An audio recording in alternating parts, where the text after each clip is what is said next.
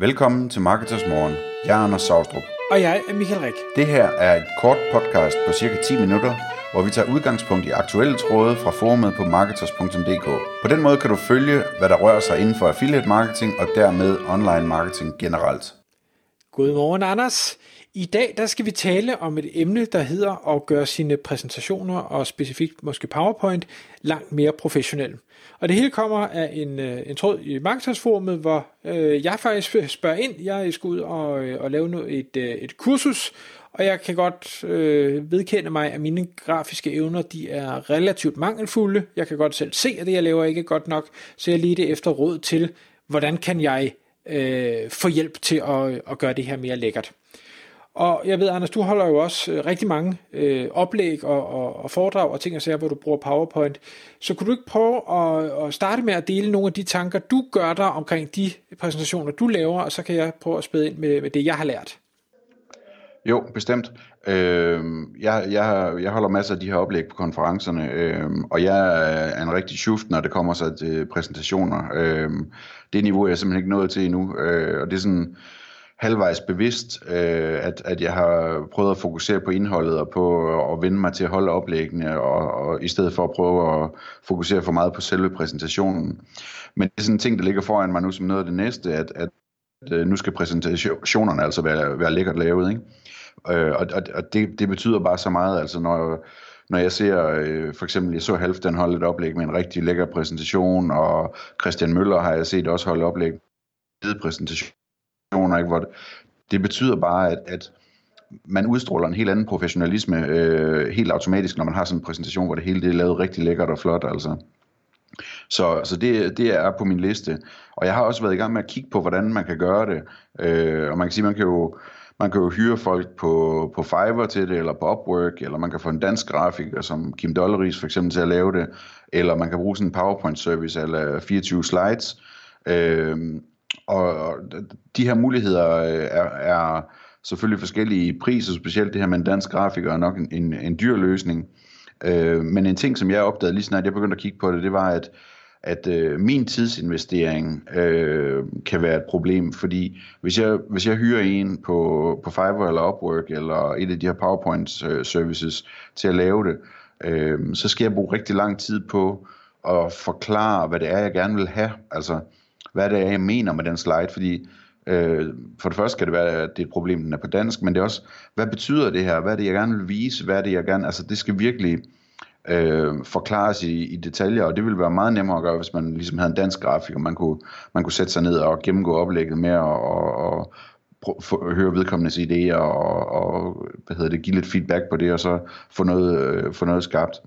Så, så det synes jeg er vigtigt lige at tænke på, at, at øh, det er altså ikke nemt ud fra en eller anden almindelig PowerPoint-præsentation øh, øh, at lave en lækker præsentation. Det kan godt være, at skabelonen er flot osv., men det der med sådan, jeg synes særligt, det er spændende det der med, hvordan man kan illustrere tingene på en fed måde. Altså, øh, øh, og, og det, min plan er at, at, øh, at få, ja, altså min præsentation er måske på 60 slides, hvis jeg skal holde et oplæg på en time, øh, men så vælge måske 4-5 af de slides, hvor jeg ved, at jeg skal sige noget, der er helt centralt for, for det, jeg tror på, og den måde, vi arbejder på osv., øh, og som jeg ved er svært for folk at, at ligesom forstå, og så tage de der fem slides og virkelig øh, bruge energi på at få, lave, få, få dem illustreret helt rigtigt.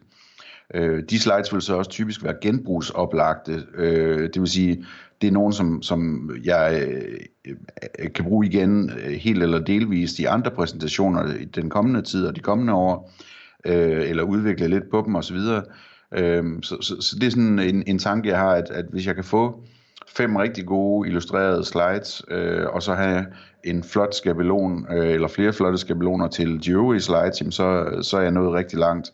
Øh, en anden ting, som, som jeg tænker på om, omkring det her, det er øh, øh, rettigheder til billeder. Jeg har set rigtig mange præsentationer på rigtig mange konferencer, og folk de bruger altså billeder øh, meget mere liberalt, end man gør, når man udgiver på nettet for eksempel.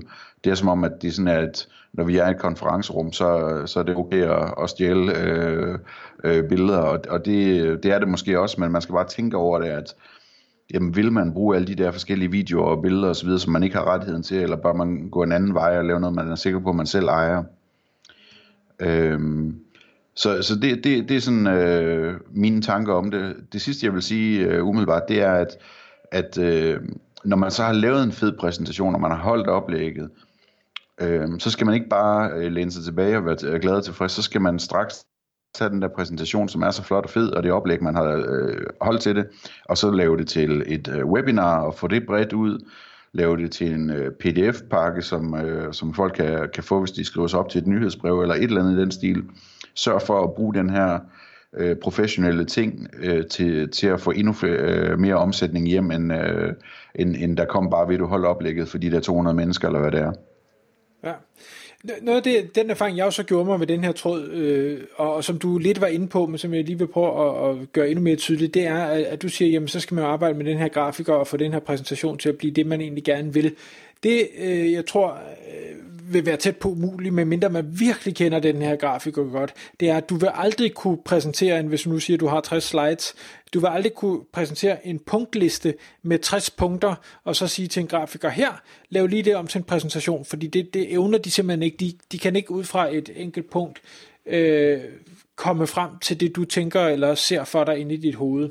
Øh, og det var, Altså det, det havde jeg måske øh, naivt håbet lidt, at man kunne, men jeg kunne godt se, at jeg blev relativt hurtigt nødt til selv med min ubehjælpelige øh, barneevner inden for grafisk præsentation og lave noget, hvor jeg siger, det er noget i den her stil, jeg gerne vil.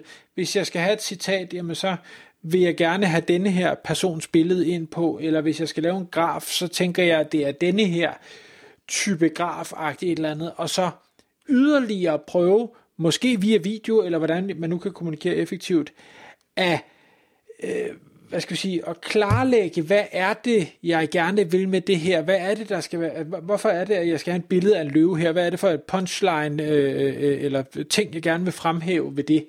Øh, og det i sig selv øh, er også noget, man skal lære. Øh, så det er ikke kun det at få det grafisk øh, præsenteret fint. Og så en anden ting, øh, jeg også synes er Øh, Øh, nu kommer jeg fra den finansielle sektor, øh, og, øh, og der har man altså en tendens til, at øh, der er 50 bullets på hver slide, øh, og det er skrevet med meget småt, øh, så hvis du bare sidder lidt tilbage i lokalet, eller du øh, har en dårlig projektor, jamen, så kan du overhovedet ikke læse, hvad der står. Det kan så nogle gange selvfølgelig være meget godt. Øh, men hvor man ser sådan nogle som for eksempel øh, Seth Godin, som jo øh, har øh, gjort sig kongen over at gøre alting så kort og, og, og præcis som muligt.